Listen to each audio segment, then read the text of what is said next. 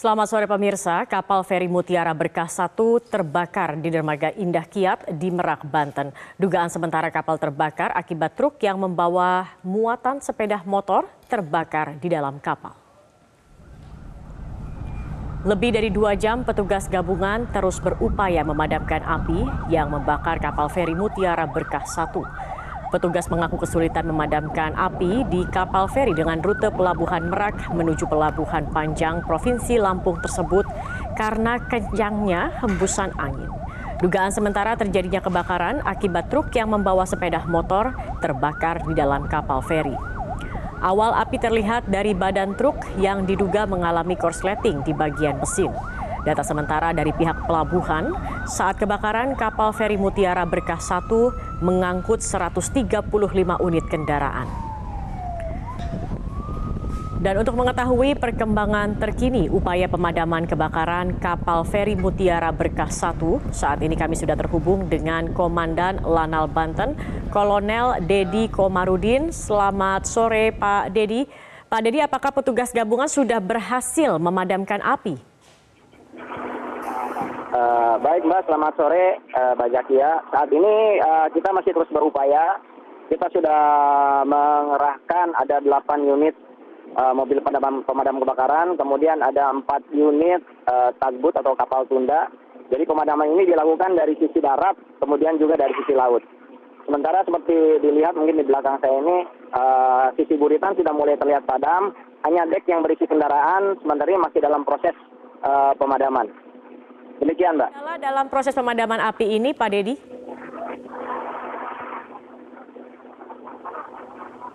Pak Dedi, adakah Halo? kendala dalam proses pemadaman ini? Uh, di awal uh, betul kita kesulitan dengan uh, uh, dengan suplai dari air air, uh, terutama untuk pemadaman dari sisi darat. Tapi saat ini kita sudah ada uh, beberapa unit uh, tertangki yang membawa air, termasuk salah satunya dari Pangkalan TNI Angkatan Laut Banten uh, untuk menyuplai atau menambah suplai dari mobil-mobil pemadam kebakaran. Sementara kalau dari sisi laut tidak ada masalah karena uh, pemadaman menggunakan air laut. Sekarang sampai saat ini mudah-mudahan dalam waktu dekat ini sudah bisa kita uh, kita tangani dan uh, bisa kita padamkan. Baik, Pak Dedi kemudian apakah sudah diketahui apa sebenarnya penyebab terjadinya kebakaran? untuk penyebab kebakaran sendiri sampai saat ini uh, fokus kita pada pemadaman terlebih dahulu, Mbak.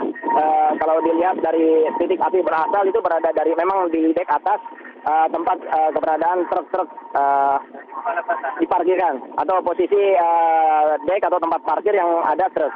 Jadi untuk sementara belum kita kita bisa pastikan apanya lebih fokus terlebih dahulu terhadap uh, upaya pemadaman. Baik, Pak Dedi, informasi yang kami terima seluruh penumpang kapal sudah berhasil dievakuasi. Namun, apakah ada korban yang mengalami luka-luka akibat kebakaran ini? Uh, dari sejumlah 159 uh, penumpang, termasuk di dalamnya kru kapal, sudah berhasil kita evakuasi. Ada lima orang, termasuk uh, satu bayi yang kita rujuk ke Rumah Sakit Krakatau Medika di Kota Cilegon karena mengalami gangguan pernapasan. Tapi sampai sekarang saat ini uh, sudah bisa diatasi dan semua penumpang alhamdulillah dalam keadaan uh, sehat. Baik, ini berapa persen dari uh, badan kapal yang terbakar Pak akibat kebakaran ini? Uh, kondisinya sekarang di bagian buritan sampai ke tengah, kemudian kalau dari bagian dek, dari dek atas tempat kendaraan uh, tempat kendaraan truk truk tersebut sampai ke atas. Jadi kurang lebih mungkin sekitar uh, 40 sampai 50 persen dari bagian kapal yang terbakar. 40 sampai 50 persen bagian kapal yang terbakar begitu ya Pak. Selain kapal yang terbakar, um, muatan apa saja Pak yang uh, ada dalam kapal feri ini Pak? Jadi kapal ini uh, tidak membawa penumpang, Mbak. Jadi membawa uh, truk-truk yang membawa seperti bahan-bahan uh, baku, kemudian bahan-bahan kebutuhan pokok dan dan lain-lainnya. Jadi lebih ke arah uh, untuk membawa barang kapal ini, kapal feri ini.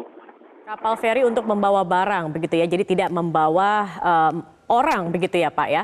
Nah kemudian uh, apa saja dampak dari kebakaran ini khususnya terhadap operasional pelabuhan Pak Dedi? Jadi uh, terminal atau pelabuhan Indah Kiat ini sementara waktu operasionalnya kita hentikan dulu Mbak.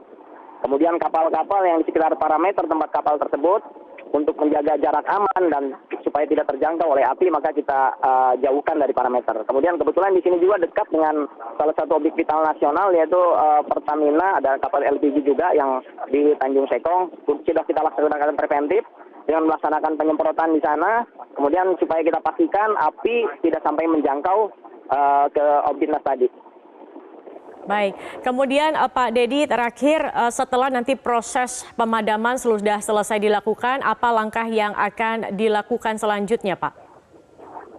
Baik, setelah setelah pemadaman dilakukan kita akan melaksanakan uh, penyelidikan lebih lanjut, uh, termasuk salah satunya mungkin dengan KNKT dan pihak-pihak uh, stakeholder terkait, apa penyebab kebakaran, kemudian juga uh, kemudian penyelidikan dilanjutkan dengan penyidikan dan seterusnya oleh stakeholder terkait. Dalam hal ini Baik. mungkin uh, gabungan antara KNKT, KSOP, kemudian uh, dari polisi, Polda, Polairut, kemudian kemudian dari Pangkalan TNI Angkatan Laut Banten sendiri.